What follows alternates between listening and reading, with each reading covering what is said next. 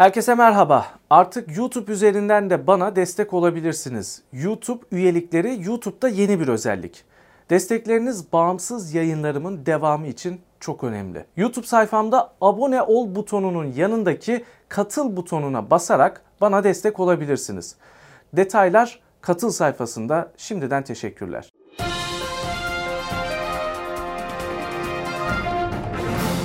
10. köyden herkese selamlar. Sayın Levent Gültekin'le birlikteyiz. Ee, gündemi konuşacağız ancak güncel siyaseti konuşmayacağız. Ee, aslında başka şeylere girmeye çalışacağız. Hoş geldiniz. Merhabalar, hoş bulduk. Şimdi siyasetin tıkandığı söyleniyor. Zaten bazı araştırmalara bakıldığında da mevcut siyasi partilere olan güvenin de e, azaldığı görülüyor. Geçtiğimiz günlerde bir meslek araştırmasında da en çok güvensizlik duyulan e, mesleklerde en alt sırada bir gazeteciler, iki siyasetçiler var. Yani bu toplum gazeteciye de siyasetçiye de olan güvenini kaybetti. Bunda hepimizin belki de payı var. Biz bizler istismar etmiş olabiliriz bu e, toplumun güvenini. Ve Türkiye bir tıkanmışlık içinde. Burada nasıl çıkacağız? Herkes bu soruyu arıyor mu bilmiyorum. Siyaset bunu arıyor mu yoksa halinden memnun mu? E, o da tartışılır ama Türkiye bir tıkandı tıka, tıkanmışlık var ve buradan çıkmak gerekiyor. Sizin önerileriniz var, yıllardır anlattığınız şeyler var ama mevcut tabloya bakılırsa yeni ne söylemek gerekir? Şimdi e, bir çıkış yolu bulmak için öncelikle durumu tam olarak kavramak gerekiyor. Türkiye'deki temel sorun kurumlar arasında, aydınlarda, gazetecilerde, siyaset erbabında, şu anda yaşadığımız temel sorun durumun Türkiye'nin geldiği durumu bütünüyle kavrayamama sorunu var. Yani şöyle söyleyeyim, eğer bir hastalığın net olarak e, teşhisi konulmazsa o hastaya hangi tedavi uygulanacağı konusunda bir netlik oluşmaz. Evet. Yani eğer siz kanser ol, yani Allah muhafaza, kanser olduğunuzu kabul etmiyorsanız kanser ilacı almıyorsunuz. Evet. Ya da diyelim ki midenizde problem var, ama grip ilacı alıyorsunuz. Bu sonuç getirmiyor. Türkiye önce tam olarak ne olduğunu anlaması lazım. Ben bunun e, tam olarak kavranmadığı kanal hem siyaset tarafından hem de aydın yazarların önemli bir kısmı tarafından. Ben çok zekiyim, kabul ettim anladım. Evet, Kavradık yani değil. Kavramak başka bir şey. İki tane nedeni var. Şimdi e, bu bunun zekayla bir alakası yok. Bu biraz ahlaki sorunla ilgili bir şey. O da şu. Durumu kavramak demek pozisyonunu terk etmek anlamına geliyor. Mevcut pozisyonunu. Önce e, şeyden e, kendi mahallenden mi çıkacaksın? Konforunu yani terk dediğiniz... edeceksin, önceliklerinden vazgeçeceksin. Elindeki işi bırakacaksın öyle söyleyeyim. Marangozsun veyahut doktorsun veyahut öğretmensin. Komşunun evi yanıyorsa hiçbir şey yokmuş gibi marangozluğa devam edemezsin. Önce elindeki işi bırakacaksın. Önce bırakacaksın. Bir dakika burada çok zor bir durum var veyahut acil bir durum var. Bir şey yapmamız gerektiği. Şimdi onu kavrama, o sırf o elimdekini bırakmayayım, uğraşımdan vazgeçmeyeyim, pozisyonumu terk etmeyeyim, elde ettiğim kazanımlardan vazgeçmeyeyim. Bu kazanım maddi sade değil. Aydınsın diyelim, toplumun bir kesimi üzerinde büyük bir kendince bir kanaat önderliği pozisyonu kurmuşsun. Evet, onu kaybetme. Onu kaybet. Ağzını açmıyorsun. Ağzını, ağzını açıyorsun ama hala oradaki pozisyonunu korumak adına açıyorsun. Peki ne demek kavrama? Siyasette de öyle. Şimdi siyasette de tıkanıklığın temel nedeni Türkiye'yi hala normal bir ülkeymiş gibi görmeleri yatıyor. Yani bir otoriter yönetim kurulduğunu, medyanın bütünüyle iktidar kontrolüne geçtiğini, kurumların bütünüyle devre dışı bırakıldığını, bir parti devletine dönüştüğünü, o partinin de devlet partisine dönüştüğünü, bunun dünyada bu ilk bizim başımıza gelen bir şey değil. Onlarca örneği var. Ya bunun normalmiş gibi. Bu sanki bütün bunlar evet. yokmuş. Ortada bir hukuk varmış, demokrasi işliyormuş, parlamentonun bir anlamı varmış. Yazmanın, çizmenin, konuşmanın için normal dönemde entelektüel çaba başkadır. Olağanüstü dönemlerde entelektüel çaba başkadır. Şimdi Türkiye normal bir ülke. Normal dediğim az buçuk kurumları olan, az buçuk değerleri olan, ekonomisinde bu kadar yoksul üretmeyen, yani kendince bir şekilde yürüyen giden bir ülke olsa diyelim ki ben o zaman şunu diyebilirim. Benim temel görevim kamusal sorumluluk üstlenmek ve toplumu bilinçlendirmek. Yazar Evet. olarak söylüyorum. Gazeteci olarak, yazar olarak. Senin de görevin gazeteci olarak. Arkadaş, ben ülkede haber işler nasıl kötüye gidiyor bunu topluma anlatırım. Fotoğraf gösteririm. Temel işim bu. Evet. Ama öyle bir dönemde değiliz. Şu anda yazdığımızın, konuştuğumuzun anlamının olmadığı bir dönemde. İki, e çünkü Türkiye dediğimiz gibi bir, bir, bir tarafa kaydı. Yani kurumlar kayboldu, yönetim anlayışı değişti, rejim değişti. En önemlisi bu. O rejimin kökleşmesi, yerleşmesi, kurumsallaşması adına her gün yeni adımlar atılıyor biraz daha. Tam tersine tam da bu gidişattan endişe duyduğunu söyleyen siyasetçiler, aydınlar eski ülkedeki gibi davranıyorlar. Yani bir kanser vakasını kabul etmiyorlar. Kabul etmediği için ilacı veremiyoruz, kabul etmediği için ona göre tedavi uygulayamıyoruz, kabul etmedikleri için ona göre yapılması gerekeni yapmıyoruz. Peki ne Bu diyor? aynı zamanda o kanser dönüyor hem siyaseti çürütüyor, aynı zamanda dönüyor hem de aydın sınıfını çürütüyor. Toplumu da çürütüyor bence. Tabii ki. Yani toplum da trolleşti. Aynen öyle. Çünkü toplumda da o tıkanıklığın yarattığı bir umutsuzluk, bir bıkkınlık, bir tırnak içinde söylüyorum burayı. Bu ülke adam olmaz duygusunun giderek yerleşmesi var. Onun sonunda herkes kapatıyor. Evet. Şimdi bakın e, e, toplumsal muhalefet bir yerde, siyaset başka yerde duruyor. Benim Doğru. gördüğüm o.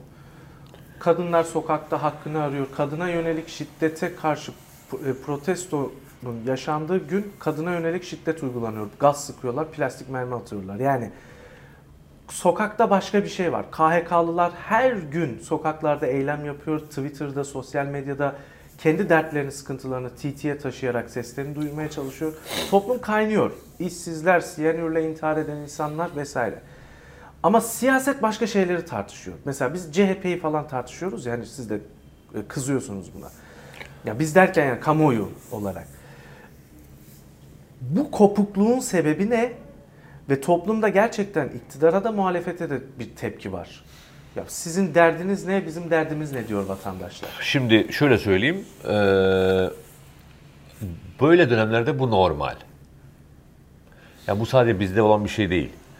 Eğer bir yerde otoriter bir yönetim varsa, eee, eğer bir yerde kurumlar, değerler devre dışı, demokrasi zedelenmişse, kurumlar devre dışı bırakılmışsa, daha doğrusu bir parti devletine dönüşmüşse, muhalefet eğer yeni bir atraksiyon yapacak, yeni bir yol açacak, yeni bir siyaset üretecek zekayı, cesareti, kabiliyeti ortaya koyamıyorsa doğası gereği çürümeye yüz Başlıyor, tutuyor. evet. Doğası gereği.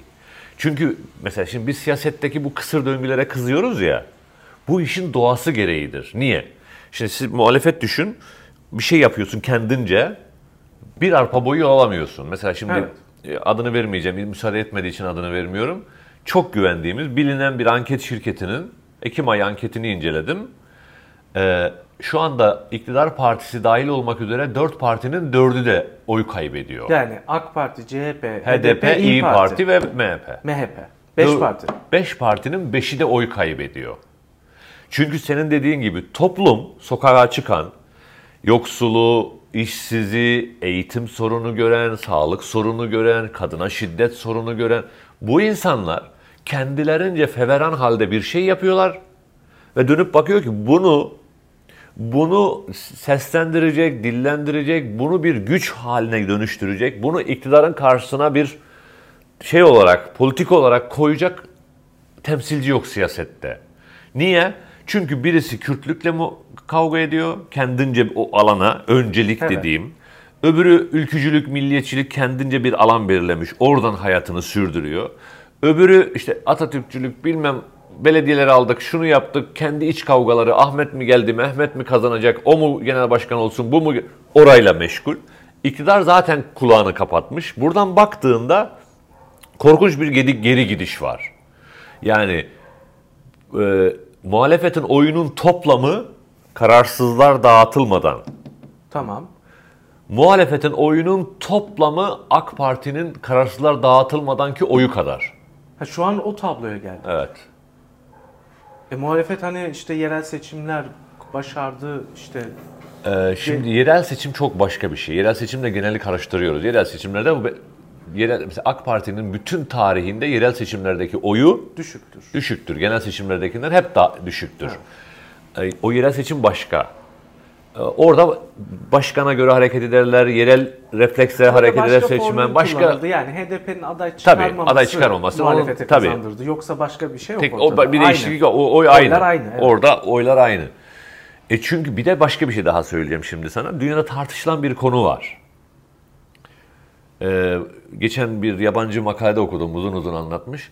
Bütün dünya partili demokrasi krizi yaşıyor. Ne demek? Şöyle, şimdi diyor ki partili demokraside partiler toplum adı toplumun taleplerini, ihtiyaçlarını devlete aktaran, devlete götüren, orada bunu gerçekleştirmeye çalışan aygıtlar olarak kurulmuştu. Evet. Teoride böyle. Teoride böyledir. Fakat son yıllarda bütün dünyada partiler artık bu işlevi göremez hale geldiler. Daha çok devletin yanındalar. Daha çok o devlette bir pozisyon kapma aracı olarak yani görüyorlar. iktidarda muhalefette. İkt- Partiler. Partiler kastediyorum. Evet. O yüzden diyelim ki Macron hareketi çıktı. O yüzden İtalya'da 5 yıldız hareketi Ukrayna'da çıktı. komedyen seçim İşte kazandı. o- Yani Ukrayna'da bir ko- komedyen, partisiz dediğimiz gibi. O yüzden şimdi biraz popülizme kayma tehlikesi var. Siyaset, tekrar söylüyorum, Türkiye'deki mevcut siyasetin önceliği Türkiye değil. Bunun laf olsun diye söylemiyorum. Ne HDP'nin önceliği Türkiye, ne İyi Parti'nin önceliği Türkiye, ne CHP'nin önceliği Türkiye. Sözde tabii ki öyleler. Ya sözde. Konuşmak başka, davranış başka. Bunlar ben bunları kastetmiyorum. Ee, önceliği Türkiye olan bir muhalefet bir otoriter yönetimle böyle mücadele edemez. ne yapması lazım işte? Ee, Onu hani Şimdi hemen söyleyeceğim. konuşmamız lazım. Bugün yaptıklarını yapmamaları konusunda yüzde bir herkes emin. O zaman yani ilk Tamam. şart bugün yaptıklarını yapmak. Tabii çünkü herkes bunun Evet. son İşe 4 yaramıyor, yıldır evet. son 4 yıldır sonuç vermediğini biliyor. 4 yıl değil ya 17 yıl. Hayır, yani son 4 yıldır daha şeye Evet, kaydığı evet. için söylüyorum. Yani rejim değişikliği. Evet. Bu sonuç vermiyor. Nedir o? Abi biz grup toplantılarında konuşacağız. Bir olay olduğunda tweet atacağız. Popüler davalara gideceğiz. Popüler davalara gidip orada boy göstereceğiz. Erdoğan'ın bir açığını bulduğumuz zaman onun üzerinden yükleneceğiz. Ta halkımızda muhtemelen ekonomik kriz genişleyecek, işsizlik artacak. Halkımız buradan şikayet edecek ve bunun sonunda Erdoğan'ın oyu düşecek, biz kazanacağız. Muhalefetin temel yöntemi bu. Son 5 yıldır böyle bir politika izliyorlar. Biz olabildiğinde duyuralım, olabildiğince tepki gösterelim, olabildiğince halka bunların ne kötü ne kadar yanlış yaptığını anlatalım. Halkımız uyanır bize gelir. Tamam bu sonuç vermedi. Referandumda vermedi, Cumhurbaşkanlığında vermedi. Bence doğru düzgün yerel yönetimde de oy kaybı yok o anlamda. Ve şu andaki anketlerde de hala bunun bir sonuç vermediği ortaya çıktı. O zaman demek ki şunu demek lazım. Bu değil yöntem. Nedir o? Bak şimdi Türkiye'nin temel sorunları var. Bir, nedir? Herkesin ittifak ettiği adalet. Evet. İki, bir rejim değişikliği, parlamenter sistem dediğimiz yani çoğulculuğu Sistem esas alan var. sistem krizi var. Evet. Üç, eee, demokrasinin işlerlik kazanması. En temel dört tane, beş tane. Muhalefetin yapması gereken şu. Biz bu beş madde ışığında geriye kalan her şeyi askıya alıyoruz. Her, bütün farklılıklarımızı askıya alıyoruz. Bu beş madde ışığında bir araya geldik. Şöyle bir eylem planı açıklıyoruz. Şimdi onu ben bugünden söyleyemem. O zaten oturulur böyle. Gerçekten amaç bir şey yapmaksa benle sen diyelim ki bir şey yapmaya karar verelim. Otururuz iki saat. Sen bir şey söylersin, ben bir şey söylerim. Sen ben söylerim, sen dersin ki ya Levent Bey o öyle olmasaydı şöyle daha iyi olmaz mı? Ha ben derim ki onu görmemiştim, şöyle yapalım. Sonunda bir kararla çıkarız buradan. Kendimizce bir eylem planıyla çıkarız. Bu böyledir zaten. Muhalefetin önce şunu yapması lazım. Kendi önceliğini değiştirmesi lazım. Mesele Kürt meselesi değil Türkiye'nin önceliği. Türkiye'nin önceliği Atatürkçülük meselesi değil. Türkiye'nin önceliği bilmem ideolojik kavgalar değil, kimlik kavgası değil, inanç kavgası değil. Türkiye'nin şu anda önceliği 40 milyon insan yoksulluk sınırında, her üç gençten biri işsiz, adalet yok, korkunç haksızlık, hukuksuzluk var, KHK ile insanların hayatı söndürüldü. Yani ülke büyük bir tehdit, tehlikeyle karşı karşıya. Böyle bir durumda oturur ve dersin ki biz bir eylem planı açıklıyoruz. Misal söylüyorum şimdi, sesli düşünüyorum. Arkadaş bizim parlamentoda olmamızın hiçbir anlamı yok. Belediyelerde bir ülke yıkıma giderken, bir ülke tahrip olurken, rejim değişmişken belediyeleri dert edemeyiz. Zaten kayyum atıyorsun, canını istediğinde alıyorsun. Evet. Demokrasi diye bir derdin de yok. Ee, mesela bütün muhalefet. Birinci adım hem meclisten hem muhalefetten çekil şeyden belediyeden çekiliyoruz. Bu birinci adım. Örnek ama bu Evet. Ama bu bunun eğer getirir yani. ikisi olmazsa, üçü olmazsa, dördü olmazsa Kalırsa. bu anlamsız kalır. Evet. Birinci adım bunu yaptık. Arkadaş seni uyarıyoruz. Türkiye ile daha fazla oynama. Lütfen demokrasiye dön, hukuka dön. Çekiliyoruz. Etki etmedi. Biz baştan konuşmuştuk, ikinci adımı da hesaplamıştık. Ondan sonra ikinci adım. Nedir o? Tartışma konusu çıkar ortaya zaten. Diyelim ki, atıyorum, bir günlük sivil itaatsizlik eylemi. Evet. Örnek veriyorum mesela. Her hafta cuma günü memleketin gidişatından endişe duyan bütün vatandaşlarımız siyah renk giysin, sokağa çıksınlar Gibi. gibi. Örnek veriyorum bunlar. Sesli düşünüyorum sadece. Olmadı. Üçüncü adım. Üçüncü adım. yani ısrar. Tabii. Evet. Böyledir zaten. Üçüncü adım. Hala düzen toparla. Hiç kavga yok, şiddet yok, dövüşmek yok, kavga yok, laf Ve kendi içinde kavga yok. kendi içinde de olmaması lazım. Birinci öncelik Türkiye. Olmadı mı? Dördüncü adım. Şöyle bir adım atıyoruz. Bütün muhalefet ama. Bunu tek bir parti yaparsa olmaz. O zaman onu düşman ilan ederler. Vatan ilan ederler. Ülkeyi falan. Çok açık, çok sarih, tam net olarak hangi cümlelerle ne yapmaya çalışıyorsun? Niçin bunu yapıyorsunu anlatacaksın topluma. Bütün o şeyle anlatabildiğin kadar. Bir kere muhalefet önce böyle bir eylem planı hazırlayacak. Bu benim dediğim illa meclisten çekilsin değil. Ben sadece örnekler üzerinden söylüyorum. Ses getirecek. Tavır alacak, Evet, tavır alacak. tav- iktidarı bir şeye mecbur edecek.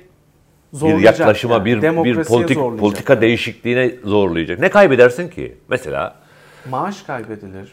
mecliste Koltuk şu anda kaybedilir. 3 tane parti, HDP, CHP, İyi Parti, muhalefet açısından söylüyorum. Üçü mecliste olmazsa ne kaybederiz? Hiçbir şey. Tüm hayatımızda ne değişir? Hiçbir şey. Değil mi? Yani onlar gözümüzü Evet. kapatalım. Bunların üçü de mecliste yoklar. Türkiye daha ne kaybedebilir? Bundan daha fazla. Ama yereli bırakmazlar. İşte, yerel tabii işte zaten kaybetmeyi göze almayanlar kazanamazlar. Tokalaşmak için elini açman gerekiyor. Evet. Elini böyle tuttun mu hiçbir şey yapamıyorsun. Önce bir elini aç. Şöyle bir tokala. Bu elini açmak ne demek biliyor musun? Elimdekilerden vazgeçtim demektir. Varsa bir şey tutuyorsam eğer onu bırakıyorum sonra tokalaşıyorum. Şimdi bir kere bundan bir vazgeçmeyi öğreneceksin. Bu bir. iki. Dahası. Şimdi bu da yetmiyor. E, Biraz önce söyledim. E, Otoriter yönetim şeyini kavramak başka bir şey yapmayı gerektiriyor. Benim görüşüm. Yanılıyor olabilirim. E, takıntılı olabilirim. Ama memlekette birazcık siyaset bilen, bu işleri bilen, kafa yoran, herkese anlattım. Herkesle paylaştım. Herkesin bana söylediği tek bir cümle var. Senin bu dediğinden başka çıkış yolumuz yok. Herkesin söylediği. Yani isim vermeyeceğim polemik olmasın diye. Siyasette ne kadar önemli isim varsa hepsini anlattım. Yani liderler. Liderler, siyasetçiler, eski siyasetçiler, aydın kesiminden hepsine dedim ki bak benim kanaatim Böyle bir şey yapmak. böyle bir şey. O da şu. Şu anda Türkiye bir parti ile bir yere çıkamaz. Niye? Şimdi bugünlerde okuduğum bir kitap var. Burada olması lazım. Şurada. Ha. Altında. Şimdi mesela şu kitapta Bunu çok enteresan. Evet, şu kitapta çok e, tavsiye ederim. Bugünleri anlamak istiyorsanız çok enteresan cümleler var. Javier Marquez'in Demokrasi Dışı Siyaset kitabı. Otoriterlik, diktatörlük ve demokratikleşme. Evet. Alt Şimdi başlık. burada diyor ki çok güzel bir veri bu. Çok partinin olduğu otoriter yönetimlerin ömrü hiç partinin olmadığı otoriter yönetimlerden daha fazla. Neden? Çünkü muhalefet Çünkü meşrulaştırıyor. durumu meşrulaştırıyor muhalefet. Evet. Çünkü toplumda sahte bir umut yaratıyor.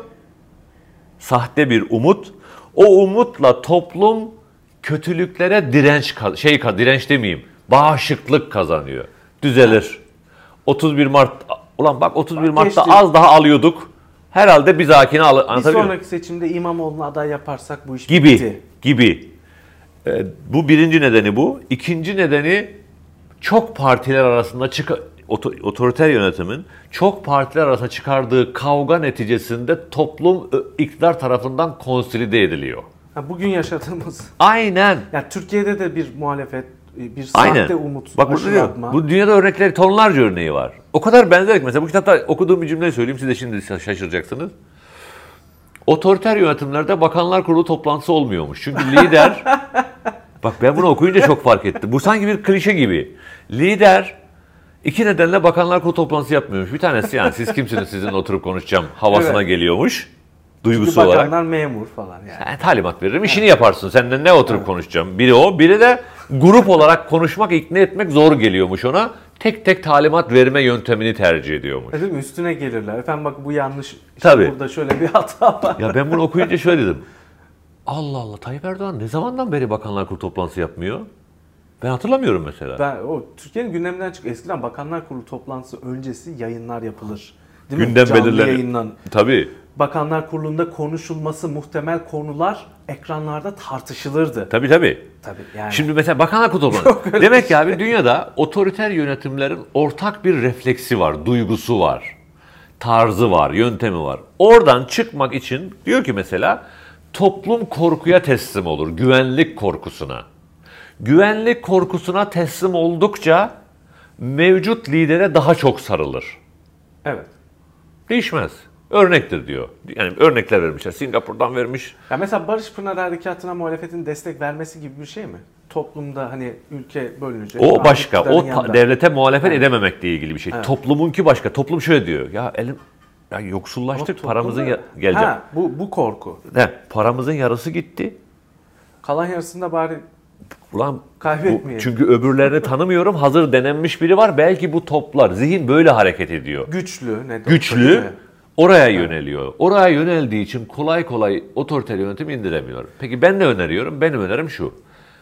Tabandan bir örgütlenme gerekiyor. Benim yıllardır söylediğim bir hareket seçimi öncelemeyen, oy almayı değil, önce bir zeminde güven unsuru oluşturacak, toplumsal mutabakatı sağlayacak bir hareket.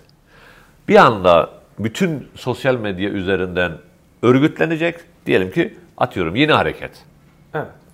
Diyarbakır, yeni hareket Diyarbakır, yeni hareket Samsun, yeni hareket Trabzon, yeni hareket Bursa, yeni hareket Uşak, Aydın, Kars, Edirne. Sonra ilçeler bazında yeni hareket diyelim ki Kars'ın Digoro, sonra Aralı, sonra Susuzu örnek veriyorum. Ya da sonra üniversiteler, İstanbul Üniversitesi, yeni hareket İstanbul Üniversitesi, sonra İstanbul Üniversitesi İktisat, İstanbul Üniversitesi İletişim, İstanbul Üniversitesi Edebiyat, gençler üzerinde. Sonra meslek örgütlerinde olabilir. Evet. Yani bu genişleyecek. Bu genişleyecek. Bir anda biz milyonlarca insanla sosyal o şey üzerinden, hareket sayfaları üzerinden bir ağ kurmuş olacağız. Bir, kimlik yok orada. Tek bir manifestosu olacak. Ben bu ülke için bir şey yapmak istiyorum diyen herkesi çağırıyorum. Davet ediyoruz. Buyurun. Partili, martili. Hangi partiden olursa olsun. Gel ülkene destek ol. Ortak değerlerimiz nedir? Gerçek bir adalet, gerçek bir özgürlük, gerçek bir eşitlik, gerçek bir demokrasi. Ve sonradan ortaya çıkacak yeni bir akılla gerçek bir anayasa. Sonra işte o parlamenter sistem, rejim güçlü bir... Ama önce o istemek üzere değil birkaç yıl boyunca komşusuyla diyalog sohbet edecek mesela. Bir CHP'li bir AK Partili gidip oyunu istemeyecek. ikna etmeye de gitmeyecek. Önce sohbet edecek. Çünkü gardını alıyor. Evet. Çünkü ikna etmeye gittiğinde şarteli indirip gardını. Ya bir konuşalım, sohbet edelim. Hiç çay içelim, havadan sudan konuşalım. Bak senin de çocuğun işsiz, benim de çocuğum işsiz. Acaba nasıl yapabiliriz? işsiz, evet. Tabii bir yol bulabilir miyiz? Diyelim ki komşun Kürt, ön yargın var. Git arkadaş nedir derdin? Sen niye ne istiyorsun da alamıyorsun? Veyahut komşun seni hiç dinlememiş bir Alevi veyahut Alevisin ama atıyorum Sünni. Evet. Gittin, konuştun, bir süre bir diyalog kurdun. Bu bunun şöyle bir faydası var. Bu aynı zamanda bir topluma kılcal damar açmaktır. Haber ulaştırmak için. Evet. Mesela milyonları buldun. Yarın bir konuşma yapıyorsun, bir haber veriyorsun bir konuda. Kısa bir videoyu bir anda milyonlara ulaştırıyorsun. O herkes 5 kişiye izlesin diyorsun mesela. Eylem planları geliştiriyorsun kendince. Mesela diyorsun ki yeni hareket atıyorum. Yeni hareket bunlar rastgele sesli düşünüyorum Evet. anlaşılsın diye. Yeni harekete üye bütün dostlarımızın kadına şiddeti protesto etmek için yarın yakalarına bir siyah gül Evet. o gün bütün Türkiye'de kimler varsa kadına şiddeti protesto biz çünkü şunu diyoruz. Biz varız. İtiraz ediyoruz. O zaman iktidar zorlanır. O zaman önce bir Evet. bir güven unsuru oluşturur bu örgütlenme üzerinden. Bir güven, bir, bir damar. Oradan sonra yeni bir genç kadro, o kadro çalıştaylar düzenler ülkenin meselelerine yönelik. Tarım, et, eğitim, ekonomi. Bu bir anlamda Atatürk'ün uyguladığı kurtuluş savaşı yöntemidir. Alttan gelmek. Şimdi Atatürk'ün, ben bunu her programda söylüyorum. Osmanlı'nın son dönemlerinde aydınlar, yazarlar, siyasetçiler, Nazım, Nazım şey, hmm, Namık Kemal'inden Tevfik Fikret'ine aklınıza gelebilecek herkes mevcut yapının içerisinde bir çözüm öneriyordu. Evet. İstanbul'da. Meşruiyet mi ilan edelim? Parlamento mu olsun? Parlamento mu olsun? şöyle mi kısıtlansın? Şunu mu böyle yapalım? Padişahın yetkilerini şöyle mi kısıtlayalım? Bir kişi dedi ki ya bu olmaz böyle. Kalktı gitti Erzurum'da 120 gün kaldı. Oradan bir örgütlenme başlattı. Oradan geçti Amasya'ya 90 gün kaldı. Üstüne üstlük idam kararı var hakkında. Önce tutuklama sonra idam. Buna rağmen alttan bir örgütlenme yaptı. Sıfırdan bir ülke çıkardı. Türkiye'nin böyle bir yönteme ihtiyacı var. Niye? Çünkü parti devletlerinde muhalefet yapılamıyor. Niye bizimki muhalefet değil mi? Yapamazlar. Ne güzel konuşuyorlar grup O toplantılarında. konuşmak muhalefet demek değildir. Damat şöyle işte Tamam. O muhalefet işte tam da onu bunu muhalefet zannettikleri için yanılıyoruz. Bağırmak. Ya ben hep söylerim. Oğlum paraları sıfırladın mı cümlesini bu toplum kulağıyla duydu. Evet. Sen daha hangi yolsuzluk belgesini açıklayıp da toplumun oyunu değiştireceğini zannediyorsun? Anlatabiliyor muyum? Yani AK Parti ile ilgili bir yolsuzluk duyunca büyük bir, bir şey bulmuş gibi "Ee, ne diyorsun? Duymuyor ki adam seni. Niye duymuyor? Onu duydu. Bir dakika. Onu duyduğu halde seni duymuyor. Niye seni duymuyor? Çünkü senin yolsuzlukla ilgili bir derdin yok. Çünkü sen yolsuzluk kendi teşk partinde adı yolsuzluğa çıkmış insanları belediye başkan adayı yapmaktan imtina etmedin. Toplumda şunu dedi. Senin derdin dürüstlük değil. Anlatabiliyor muyum? Yani mevcut partilerde özellikle ana muhalefette herkesin bildiği, bunu partilerin de bildiği adı yolsuzlukla anılan insanlar aday yapıldılar. Son seçimde mi? Tabii ki. Canan Kaftancıoğlu hatırlıyorsanız istifa etti seçim gecesi, Evet. şey gecesi, adayların belirlenme belirlenme. gecesi. İşte o adı yolsuzluğa çıkan adayların dört tanesiyle ilgiliydi. Ha ilçelerle alakalı. İstanbul ilçelerinde. Bu dördünü aday yaparsanız ben istifa ederim. O dördünün temel ortak değer, herkes biliyor bunu. Bu Herkes benim- biliyor.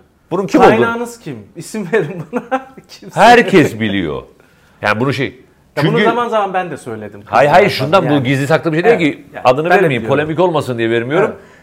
İlçelerden bir tanesinin kendi parti teşkilatı istifa etti Ankara'ya Anıtkabir'e yürüdü. Evet.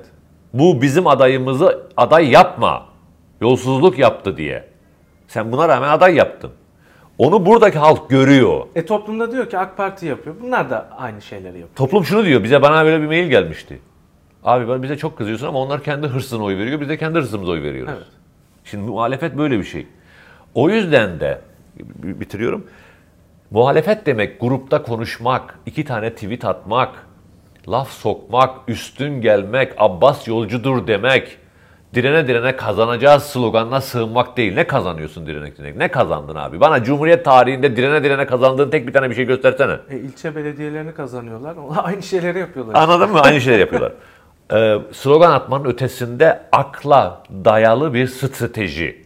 Çünkü muhalefet tekrar onu onu anlatıyordum. Parti devletlerinde muhalefet yapılamaz. Yapılamıyor. Bu mevcut bildiğimiz anlamda. Muhalefet yapılamadığı için içim kan ağlıya ağlıya e, Barış Pınar Harekatı'na evet verdim diyorsun. Çünkü Barış Pınar Harekatı'na evet verdiğinde devlete karşı gelmiş oluyorsun. Bir partiye değil.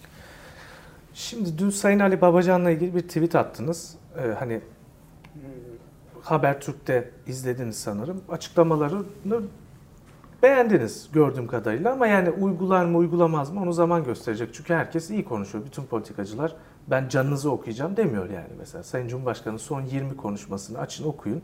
Demokrasi ve İnsan Hakları Manifestosu.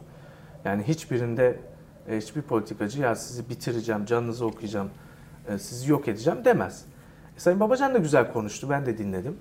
E, umut var mı? Siz bir de görüştünüz mü hiç yakın zamanda? Şimdi önce şöyle söyleyeyim. Yani sonuçta ben hani gazeteci, yazar, yorumcu bu niyetle herkesle görüşüyorum. Ali Bey'le de görüştüm. Kendimce anlayayım. Sorularım Evet. vardı. Bir göreyim nasıl yapıyorlar, ne yapacaklar falan filan diye. Ee, şöyle söyleyeyim. Şimdi Türkiye'de iki tane grup var. Bir tanesi yok kategorik karşıtlık üzerinden. Kategorik karşıtlık bu çok önemli bir cümle. Buna özellikle altını çizmek istiyorum. Ne? Bence önemli. Ee, bu adam Atatürkçü diyelim ki geçmişten. Abi ağzıyla kuş tutsa oy vermem. Veyahut diyelim ki Alevi köken olarak. Mesela diyelim ki öyle diyorlar. İşte Kemal Bey Alevi olduğu için hayatta oy vermeyecek insanlar var. Biz buna kategorik karşıtlık diyoruz. Vardır da yani. Vardır da. Evet. Halbuki benim şunu demem lazım. Alevi de olsa, muhafazakar da olsa, Atatürkçü de olsa dürüst mü, namuslu mu, demokrat mı, eşitlikçi mi? Ben buna bakarım. Şimdi bir kategorik karşıtlar var. Ne yaparsa yapsın asla. Aa işte geçmişine bakarak bir suçlama. Evet. Tamam. Bir de evet geldi, halloldu, bu işler yapıyor, çok güzel. Ben ikisinde de değilim. Benimki e, peşinen kredi vermek ama izleyip görmek, ona ona göre de karar vermek üzere. Benim bütün herkesle ilgili böyle. Bu İmamoğlu ile ilgili de böyledir hayatımda. Bu Kemal Bey ile ilgili de böyledir diyelim ki Babacan'la ilgili de böyledir. Şimdi Babacan'dan anladığım şu. Bence çok bir akşam beni en çok etkileyen kısmı ülkenin meselelerine olan hakimiyeti.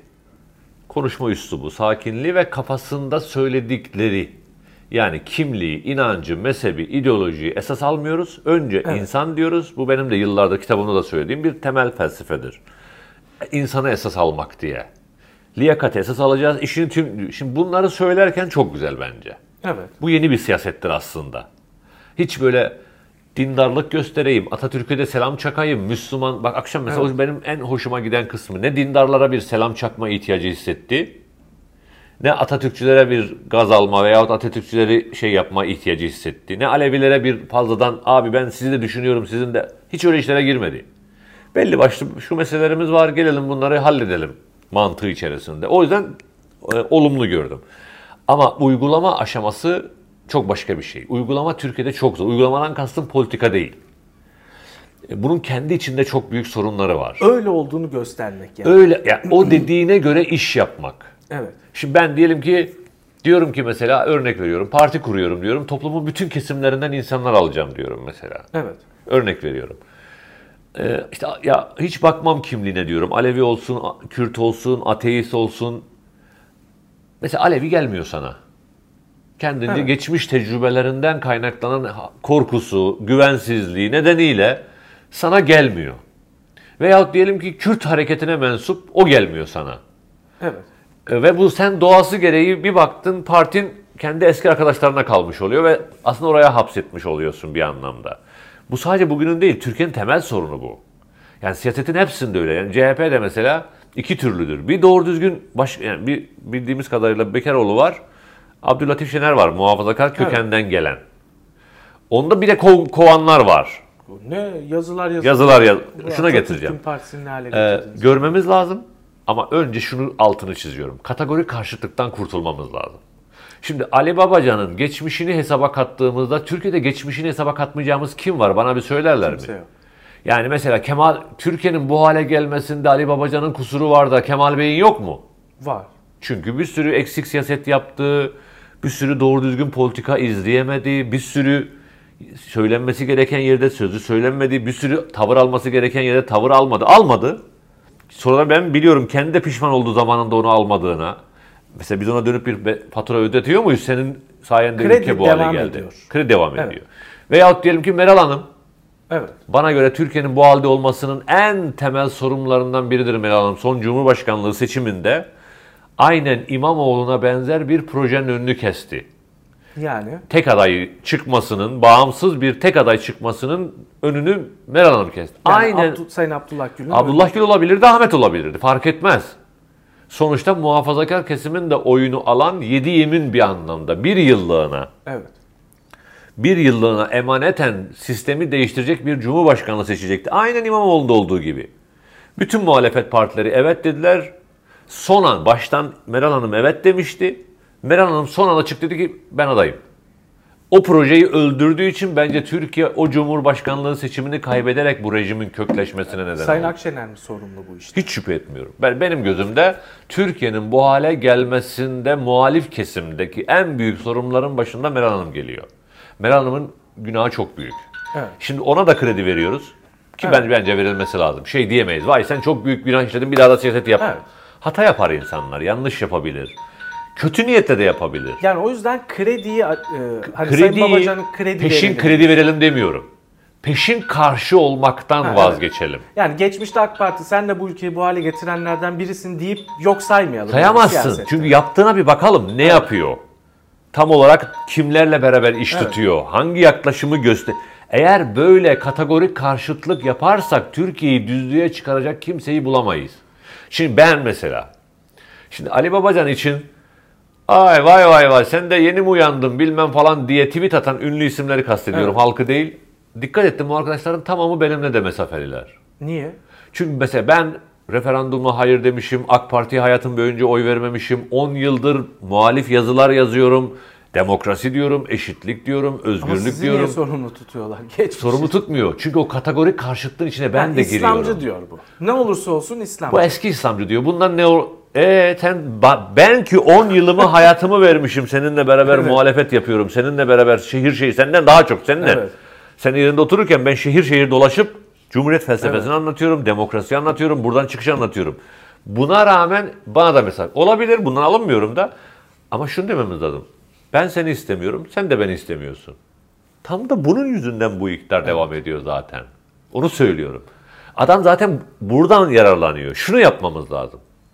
Kategorik filanın geçmişi deyip hatalarımızı hani meşhur söz var ya işinizde taşı en günahsız Evet. olanınız atsın. Şu anda taşı en günahsız olanınız atsın dediğimizde denildiğinde hepimiz başımızı önüne eğip Evet. gidecek durumda insanlarız. Türkiye'nin tamamı.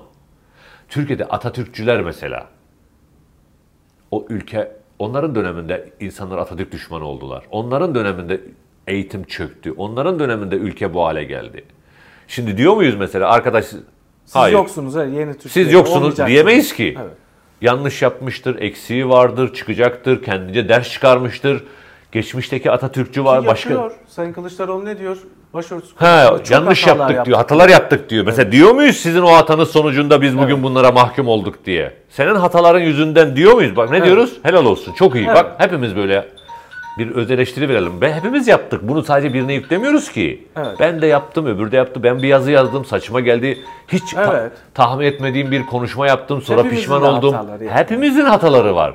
Sen bunu söylemiştin diye ömür billah mahkum etmek cehalet göstergesidir. Benim dediğim peşinen kredi vermek değildir bu görmek, izle. Mesela İmamoğlu'nun hiçbir tek bir felsefesini, siyaset felsefesini, cümlesini duymadığın halde memle referandumda nasıl bir tavır aldığını da bilmiyoruz. Ben biliyor muyum? Siz biliyor musunuz? Yok ben bilmiyorum. Tek bir konuşmasını, tek bir tweetini, tek bir cümlesini Cumhuriyet referanduma giderken bilmiyoruz. Buna rağmen ona verdiğin krediyi neye göre verdin o krediyi? CHP'li Atatürk. CHP'li, Atatürkçü, Cumhuriyet erkeğiyim diyor. he, Cumhuriyet Yani çocuğuyum diyor. Cumhuriyet erkeğiyim. Ama buradan çıkmamız lazım. Evet. Yani İmamoğlu'na verdiğin kredinin aynısını Babacan'a da vermen gerekiyor. Bir bakalım. Bu kredi vermek Evet. demek, destek vermek demek değildir. İzle, Dinlemektir. Karşı çıkma en azından. Tabii. Bak anlamaya çalışmaktır, tanımaya çalışmaktır. Yine verme sonunda oyunu, bunu anlarım. Ama dinle. Dinle ki insanlar bu ülkede bir şey yapmak için cesaret elde edebilsinler. Bu çok güzel. Çünkü ben mesela kalkıp diyelim ki kendime şöyle diyorum. Ya bir şey yapmamız lazım diyorum. Sonra diyorum ki ya ben yapacağım en azından yarısı bana diyecek ki sen kim oluyorsun lan? Veyahut öbür yarısı bana diyecek ki ya eski İslam'dan şöyle olmaz. Öbür yarısı diyecek ki ya bu zaten vatan haini. Evet. Öbür yarısı diyecek ama buna çıkamayız. En azından beni bir dinle. Öbürünü de bir dinle. Benim eylemimi bir gör. Nereye kadar? Oy sandık gününe kadar beni bir tart. Cümlelerimi tart, konuşmalarımı tart, kadromu tart, Evet. felsefemi tart, yaklaşımımı tart, konuşmamı. Şimdi Babacan dün, niye, dün akşam ne için ilgi gördü? İlgi gördü bence. Evet, sosyal medyada. Çünkü Türkiye uzun zamandır ülke meselelerini ciddiyetle konuşan bir siyasetçiye hayran şey şeyi var, özlemi var. Yani daha önce konuşmadım. Kimse konuşmuyor. Çünkü ya kavga ediyorlar, ya laf sokuyorlar. Ya laf sokuyorlar öbürüne, rakibe.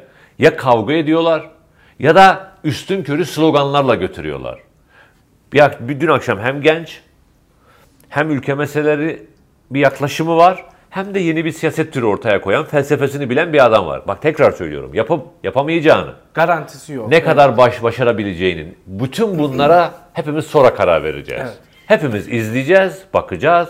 Dediği kadroyu kurabiliyor mu? Dediği politikayı uy- uygulayacak o cesareti gösterebiliyor mu? Oy vermek bu işin en son aşamasıdır. En son gün. Bunu sadece diyelim ki şey değil. Mesela babacan olmaz diyenler onlar çıksın parti kursunlar. Abi biri bir şey yapması lazım. Ki benim ki biliyorsun benim temel felsefem partili olmaz. Evet. Onu zaten dedim. O benim ayrı bir görüşüm. Bir hareket, hareket üzerinden toplumsal örgütlenme. Otoriter yönetimlerden başka türlü çıkamayız diye benim kanaatim bu. Ama bundan bağımsız söylüyorum. Biri bir şey yapıyorsa kim olursa olsun, kim olursa olsun artık insanlara laf sokmaktan, onun kötülüğünü, onu ezerek üstünlük taslamaktan, bu ergen tavırlarından vazgeçmemiz lazım. Koca koca adamlar. Yani adını vermeyeceğim şimdi. Sabahleyin bir tanesi bu ülke diyor bu ülkenin bu hale gelmesinde diyor senin katkın çok büyüktü. Bunu atan adam bir yıl öncesine kadar CNN'de çalışıyordu. Size mi diyor? Bana demiyor. Tweet Ha, atmış. Ha tweet atmış. Evet. Bir yıl öncesine kadar CNN'de çalışıyordu ve CNN'de ağzını bir gün açıp tek bir gün muhalefet yapmadı. Sen ne yaptın peki ülke yıkama giderken? Anlatabiliyor muyum? Ben 5 yıldır 10 yıldır dışarıdayım. Televizyon yüzü görmüyorum. Sen konumunu sağladın. Tuttun. Tek bir sert cümle etmedin. Referandumla ilgili çıkıp da bir dakika arkadaş demedin o dönemde. Toplumu uyarmadı. Toplumu da uyarmadın. Attılar seni CNN'den. Şimdi çıkmışsın Ali Babacan'a fatura kesiyorsun. E olmaz ki. Ben de sana keseyim. Sen de öbürüne kes. O da ona kessin. Herkes birbirine fatura kestiğinde bu adam devam ediyor. Bunu görmemiz lazım. çok teşekkür ediyorum. Ben de çok Ağzınıza teşekkür ederim. Sağlık. Sağ olun. Çok sağ olun. İyi yayınlar. Sayın Levent Gültekin'le birlikteydik. Şimdilik hoşçakalın.